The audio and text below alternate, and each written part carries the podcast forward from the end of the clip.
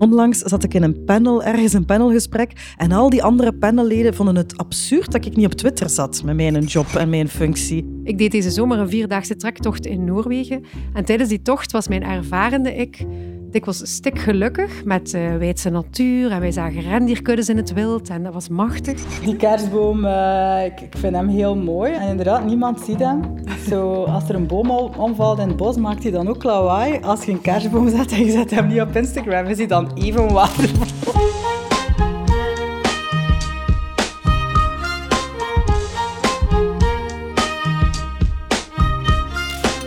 Eva, wat een leuke reacties kregen wij weer op onze eerste aflevering. Ja, echt zo goed dat wij weer begonnen zijn en niet gestopt met de podcast. Want op Instagram en Facebook werden we echt overstelpt met likes en hartjes de afgelopen twee weken. Dat die mij zoveel deugd. En het is precies daarover, over die sociale media, met al die likes en die hartjes en die deeltjes en die mhm. reeltjes en die stories, dat we vandaag een aflevering gaan maken. Ja. En dan nog over daarmee stoppen. Zou jij dat kunnen, Eva? Voor twee weken Absoluut. Voor altijd? Mm. Jij? Ik heb het al een paar keer geprobeerd en ik heb toch ook wel wat drempelvrees. Maar daar hoor je zo meteen dan meer over. Ja, dus zoals gezegd gaan we het vandaag hebben over stoppen met sociale media. Iets waar wij alle twee ook al stappen in hebben ondernomen eigenlijk, hè Maaike? Ja, absoluut. Ik gebruik bijvoorbeeld standaard een dumbphone, zo'n eh, Nokia, waarmee ik enkel kan sms'en en bellen. Ik heb wel een smartphone, maar er zit geen simkaart in. Dus op verplaatsing kan ik gewoon niet op sociale media. Dan kan ik u niet bereiken. Nee, en dat scheelt al stukken eigenlijk.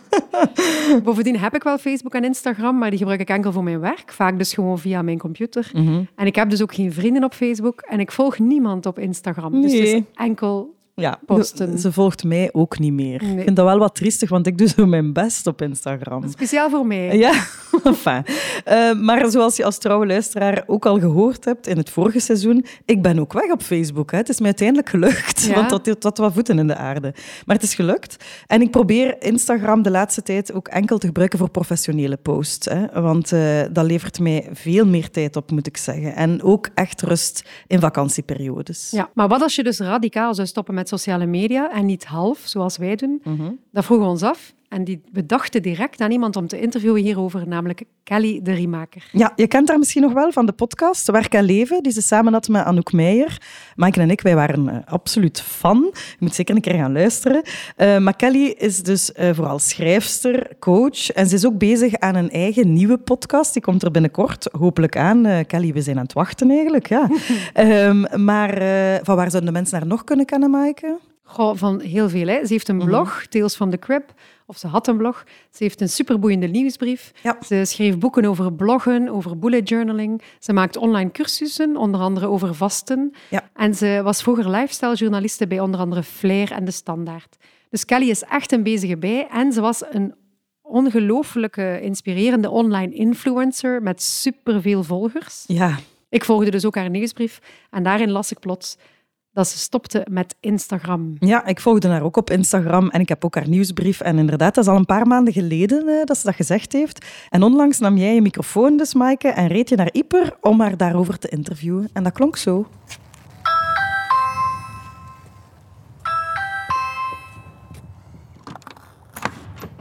Hey. Goedemiddag. Dag Kelly. Hallo, kom binnen. Dank u. Je hebt het gevonden. Maar ja, dat was een goede uitleg.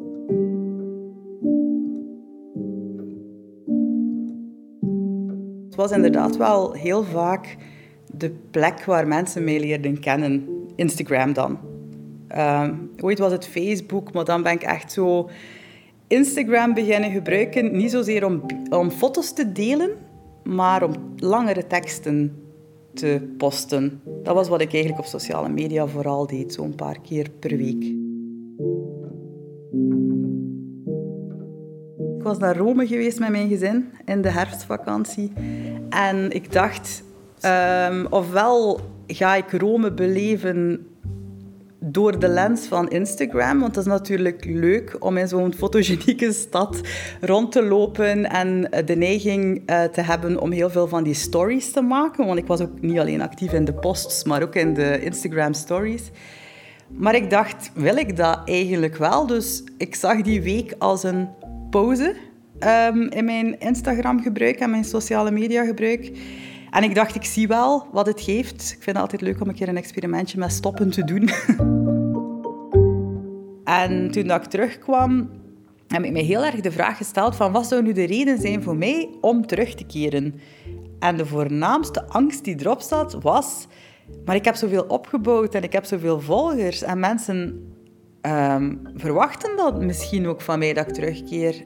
En toen dacht ik, maar is dat nu waarover het gaat uiteindelijk? Um, want na een tijd heb je wel het gevoel dat je een soort uh, digitale corvée te, te, doen hebt. Zo, voelde wel alsof dat je er niet af kon. Wat dat voor mij voldoende was als rood vlaggetje om te denken... Wacht een keer, vanuit welke energie ben ik dat hier dan nog aan het doen? Zo van, ik sleepte mezelf bijna weer naar huis. En dan, ah ja, het is zondagavond, morgen weer beginnen werken. Ik ga die Instagram wat terugzetten. Dus ik wilde dat vooral, denk ik, in vraag stellen. Van, moet dat hier nu echt wel? Ik weet dat heel wat mensen met dezelfde dingen worstelen en zich ook afvragen is dat eigenlijk nog normaal dat ik meer dan 100 keer per dag volgens de app op mijn telefoon naar dat toestel grijp. Dus ik zag het weer zoals ik het als journalist, ik was ooit journalist, vaak deed um, als een, een eh, experiment met mezelf. Oh, Maaike, dat is wel herkenbaar, vind ik. Dat Rome-verhaal, hè?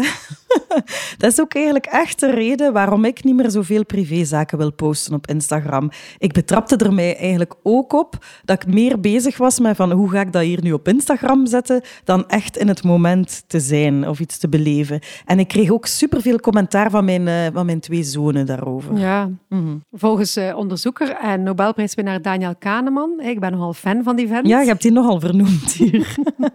ja, oké. Dus volgens Danny, Danny, Danny Kahneman hebben we eigenlijk in onszelf een ervarende ik en een herinnerende ik. Ah ja. Die ervarende ik, dus dat ene deel, is degene die in het huidige moment de situatie beleeft. Zoals op vakantie bijvoorbeeld. Um, ik deed deze zomer een vierdaagse trektocht in Noorwegen. Mhm. En tijdens die tocht was mijn ervarende ik dikwijls stik gelukkig met uh, wijdse natuur. En wij zagen rendierkuddes in het wild en dat was machtig.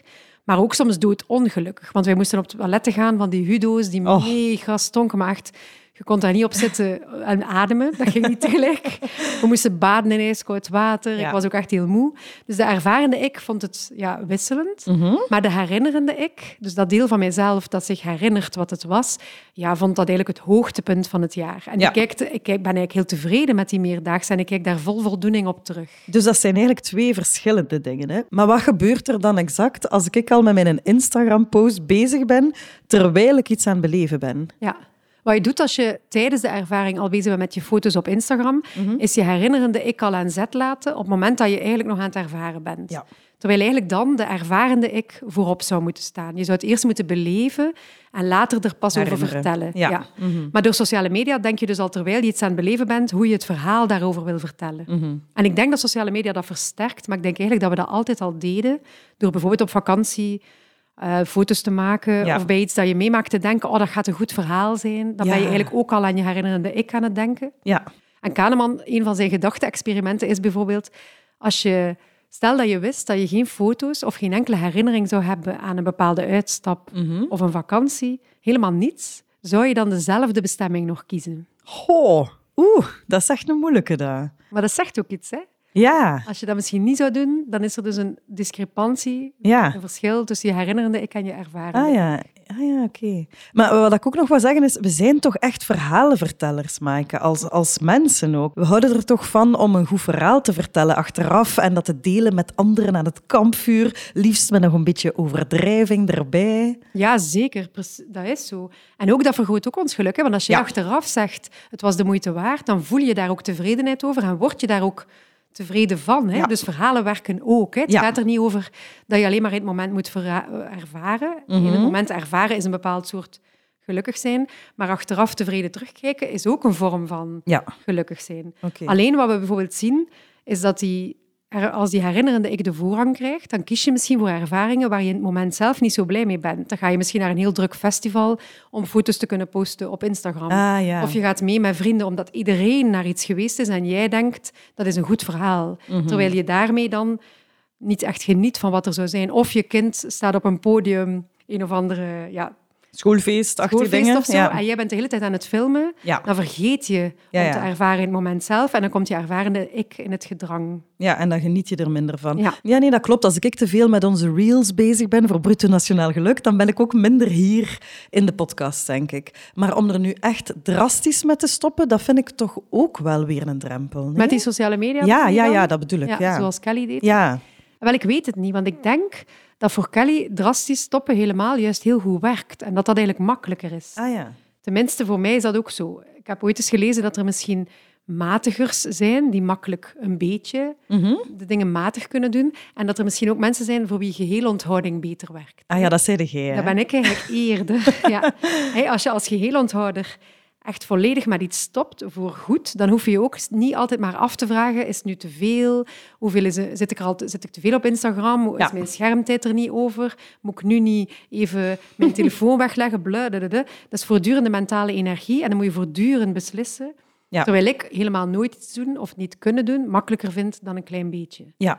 Ook al zeggen veel mensen trouwens dan tegen mij, doe niet zo extreem. Ja, gun jezelf toch iets. Dat is waar, je doet altijd zo extreem, ja. maar eigenlijk gun ik daarmee mijzelf iets. Hè. Namelijk, ik gun mijzelf om het helemaal niet meer te moeten doen. Mhm. En dat is eigenlijk makkelijker. Oké. Er is zo'n quote van William James en die zegt... Het is verrassend hoe snel een verlangen uitsterft als je het niet voedt. Zo is dat bij mij ook. Als ik, het, als ik een beetje van iets doe, wil ik meer. Maar als ik het nooit doe, dan dooft het. Ah, ja. Wat ben jij trouwens, Eva? Een oh. geheel onthouder of een matiger? Ik moet daar niet over nadenken. Een matiger natuurlijk. Ja. Ik ga er juist meer naar verlangen als ik weet dat ik iets niet mag. Ah, ja, Zo zit het in elkaar. Zo, bijvoorbeeld zo mensen die stoppen met alcohol, we gaan het daar nog later ook over hebben.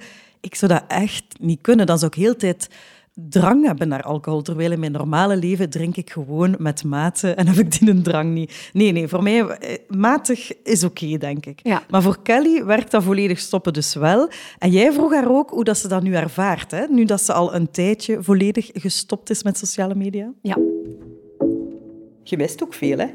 En tegelijkertijd is dat misschien ook niet slecht voor mij. Want ik... ik ik denk dat de voornaamste reden waarop dat ik echt zo de knoop heb doorgehakt toen dat ik naar Rome vertrok en toen dat ik terugkwam voelde van um, ik heb niet zo heel veel zin om terug te keren, was dat ik voelde dat ik constant overprikkeld was.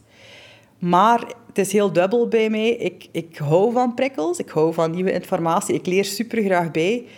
Maar het is ook niet zo goed voor mij om constant blootgesteld te worden en mezelf bloot te stellen aan die prikkels. Dus het was zo heel dubbel.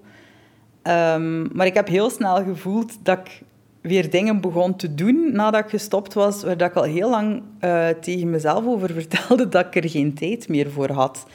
En dat was voor mij ook een hele grote motivatie, dat ik ineens voelde van, mo, als ik niet meer al die accounts moet volgen en als ik niet meer honderd keer per dag naar die telefoon moet grijpen, dan komt er tijd vrij om stomme dingen te doen. Maar echt zo, ineens zag ik mezelf een kamer opruimen.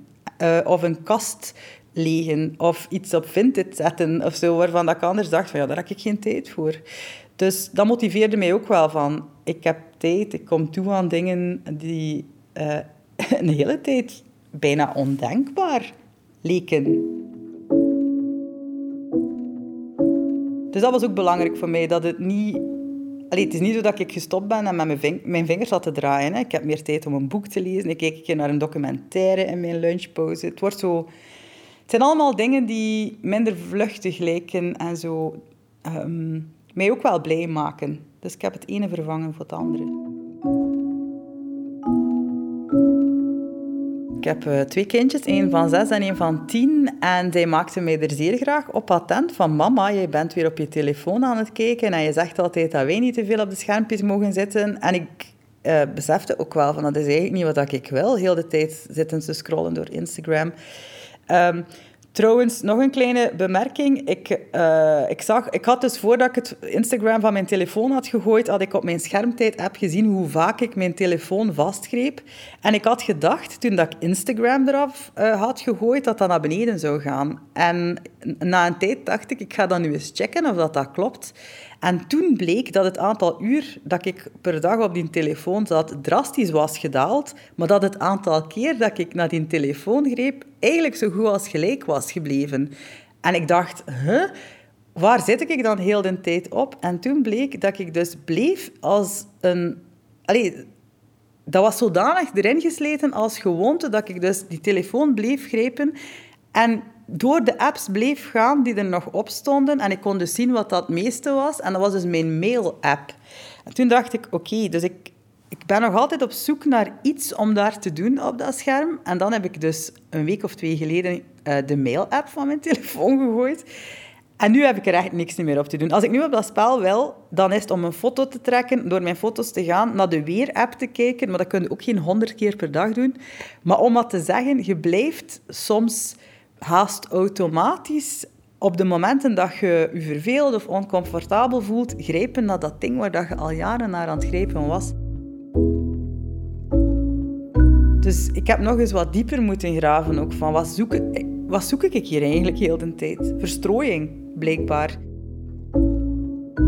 Ja, die sociale media en die smartphones zijn gewoon gemaakt om verslavend te zijn natuurlijk. Die mensen die dat ontwerpen willen dat wij daar zoveel mogelijk op zitten. Daar hadden we in seizoen 3 het ook al eens uitgebreid over. Ja, maar aan de andere kant vind ik het sociaal ook echt wel moeilijk om te stoppen. Hè. Nu ik bijvoorbeeld niet meer op Facebook zit, moet ik dat wel constant aan mensen uitleggen. Ja, maar ik volg eigenlijk niemand, ben geen vrienden meer met niemand op Facebook. En onlangs zat ik in een panel, ergens een panelgesprek, en al die andere panelleden vonden het absurd dat ik niet op Twitter zat met mijn job en mijn functie. En dan moet ik dat weer uitleggen. Ik moet zoveel verantwoorden eigenlijk voor die keuzes.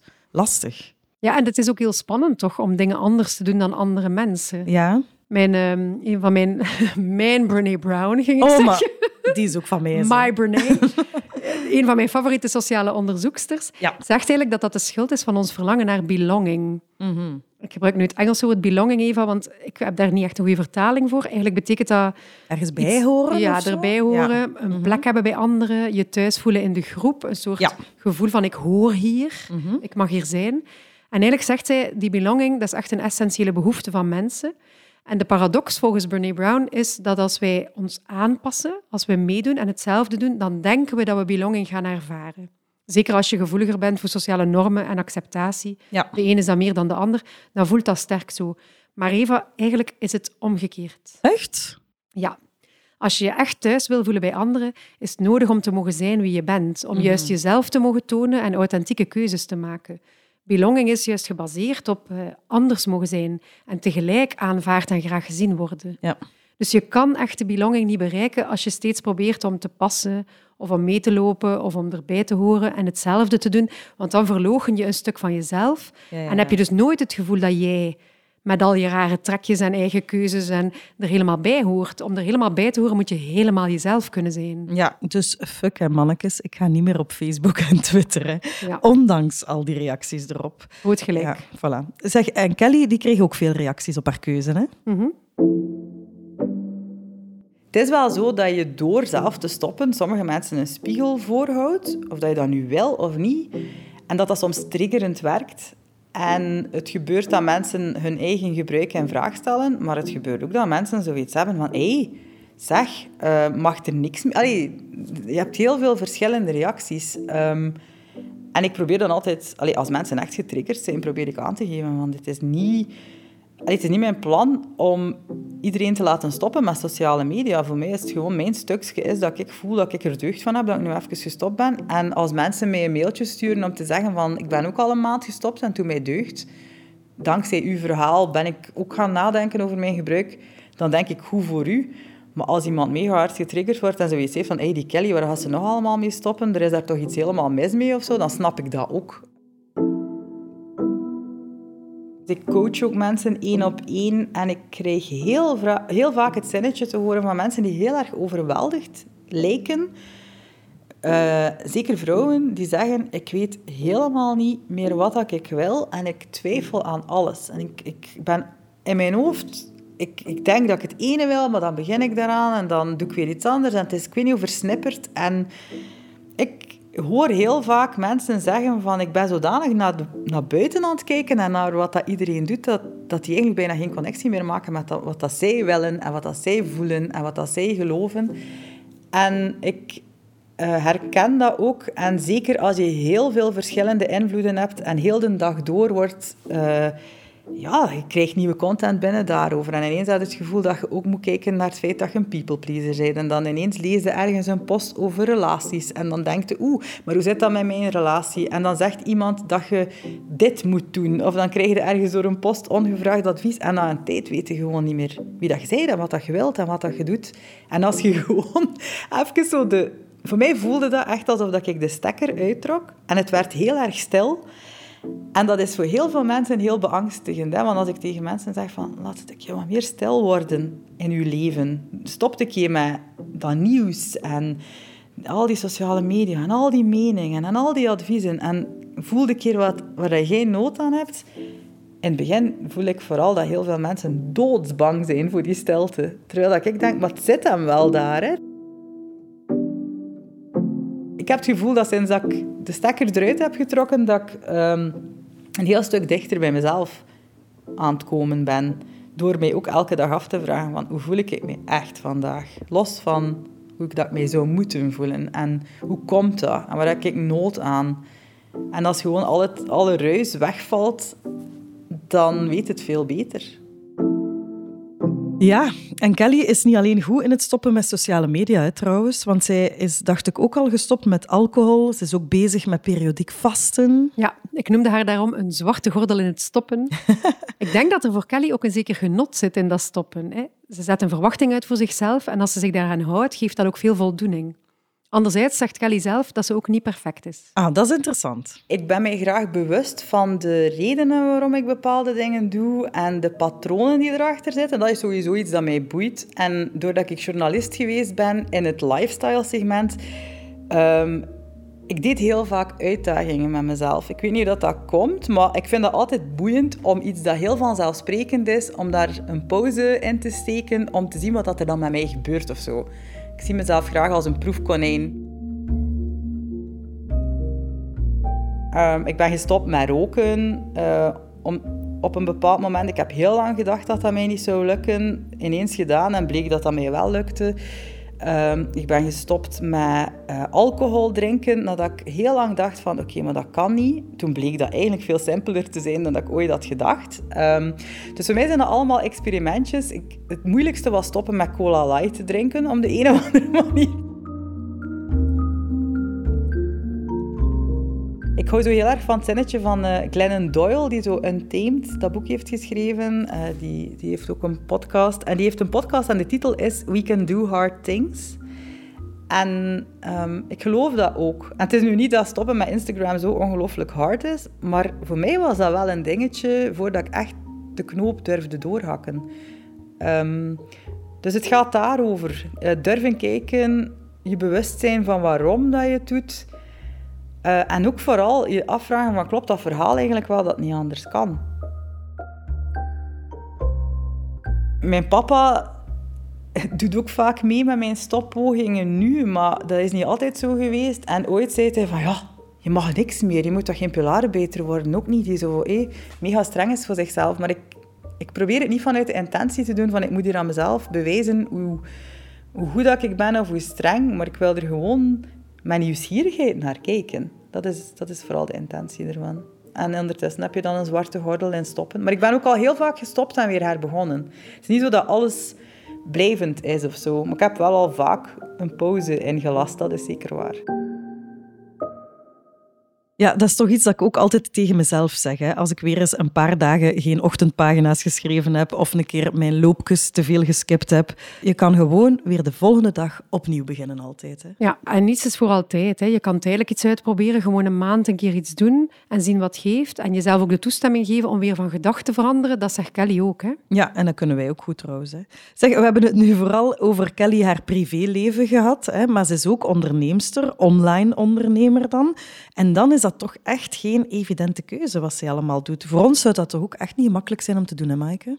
Nee, dat lijkt mij kei spannend. Ik zou echt bang zijn dat mijn onderneming dat ik failliet ga. Ah ja. Bovendien is mijn onderneming de enige reden waarom ik nog op sociale media zit, Eva. Ik mhm. denk dat ik er anders al lang zou af zijn. Ja. Maar blijkbaar geloof ik dat ik niet kan ondernemen, of toch niet online kan ondernemen zonder sociale media. Dus ik vroeg het aan Kelly waarom willen wij eigenlijk altijd maar groeien? We willen altijd meer volgers. Terwijl ik dacht, maar ik heb eigenlijk best wel wat volgers. misschien moet ik mij meer concentreren op dingen maken voor de mensen die mij, mij al volgen en minder op uh, de groep die mij nog niet kent. Dus um, wat dat het effect was ook, maar dat had ik dus niet voorzien, was dat ik dus uh, in de groepen van de cursussen die ik al geef, ik geef bijvoorbeeld een cursus vast en zeker die over periodiek vasten gaat, ik, ik zat nog altijd met dat ei van content. Allee, ik, als ik ga wandelen, komen er nieuwe ideeën. En in plaats van dat dan op mijn Instagram te delen, publiek, begon ik dat dan te delen in die groepen. Wat dat voor mij ook goed voelde, want die mensen hebben per slot van rekening ook betaald om, mijn, um, om in die groep te zitten. Dus ik denk dat het alleen maar voordeel heeft. Um, en wat ik dan ook heb gedaan, is ik had een tweewekelijkse nieuwsbrief. Die is nu naar wekelijks gegaan, omdat die ideeën niet stoppen. Er komt heel veel. En vroeger was dat... Allez, ik heb dat altijd heel organisch gedaan. Ik was niet iemand die zo de, de posts en de stories op voorhand plande. Dus ineens viel er dan iets op mij. Uh, allez, of het viel in mijn hoofd tijdens een wandeling. En letterlijk een kwartier later stond er een post online. Nu is dat niet meer zo en zit er wat meer filter op. Maar ik gebruik wel heel veel... Ik ben nu weer een nieuwe cursus aan het schrijven. Dan gebruik ik dat in die cursus. Eerder dan dat ik het op mijn Instagram zet. En dat voelt wel tof. Dat voelt nuttig ook. Dat voelt ook minder vergankelijk. Heel inspirerend vond ik dat, Eva. Ja, iets om over na te denken, ook voor onze podcast, hè, Maaike. En uh, vroeger was ik ook uh, dus volger van Kelly op Instagram en was ik super fan van haar hashtag. Hashtag vergeet niet te kijken. En daarbij uh, zetten ze altijd foto's van zonsopgangen of ondergangen online. En heel veel mensen begonnen dat dan om een duur ook te doen met die hashtag. En jij vertelde me, Maaike, dat je samen met haar naar zo'n zonsondergang hebt gekeken. Hè? Ja, inderdaad. We zijn dus niet vergeten te kijken. Dus zullen we eens gordijn open doen, Kelly, en een keer naar uw uitzicht kijken? Ja, heel graag. Want daar kijk je nog steeds naar, ook als je geen foto van maakt. Ja, echt. Uh, stel je voor dat je inderdaad nog naar een uitzicht kunt kijken zonder dat je het op Instagram zet. Ik moet wel toegeven, uh, ik heb heel vaak mijn uitzicht gedeeld op Instagram. In die mate zelfs dat jij hier toe kwam en zei... Ja, ik ken, ik ken dit. Al. ik ben hier nog geweest. Um, ik geniet nog even hard van dat uitzicht, maar ik neem er minder foto's van. En um, ik vind het soms wel jammer hoor, dat ik echt zo de gedachte heb van ik wil dit delen met de wereld, want hoe fantastisch mooi is dit? En tegelijkertijd um, is het ook fantastisch mooi zonder dat je het deelt met de wereld. Wordt het beter? Ja, dat ging ik net vragen. Wordt het beter als je het deelt? Heeft dat ook een extra... Ja, wel. Ik ga nu heel eerlijk zijn en zeggen dat het delen het precies toch nog wat meer waarde gaf. Erg, hè? Nee, ik denk dat dat normaal is. het duurde ook langer natuurlijk. Je kon er nog eens uh, over en weer over privéberichtjes sturen over dat iemand anders zei dat het bij hen in Gent ook prachtig roze geweest was. En dat had ergens wel iets.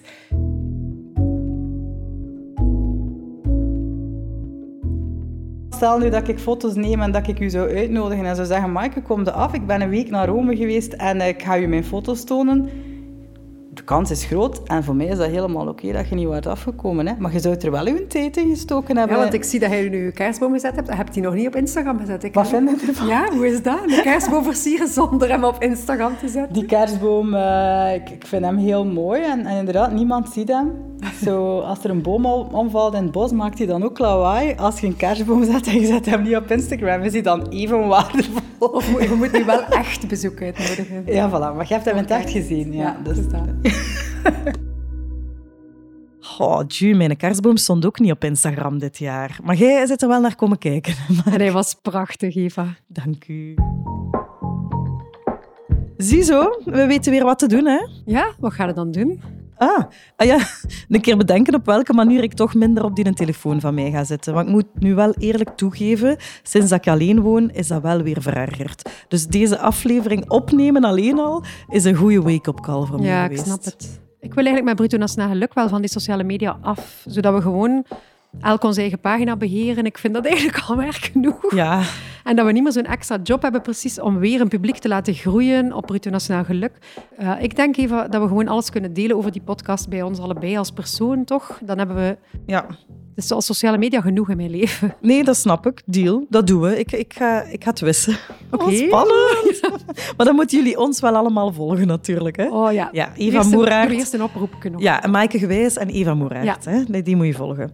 En uh, dus, beste luisteraar, behalve ons volgen, laat ons ook gerust eens weten wat jij aan deze aflevering had en of jij jouw schermgebruik ook aan banden legt tegenwoordig. En dat kan via een mailtje naar ons of via een persoonlijk bericht naar onze Facebook- of uh, Instagram-pagina's. Een ouderwetse gele briefkaart mag ook altijd, hè?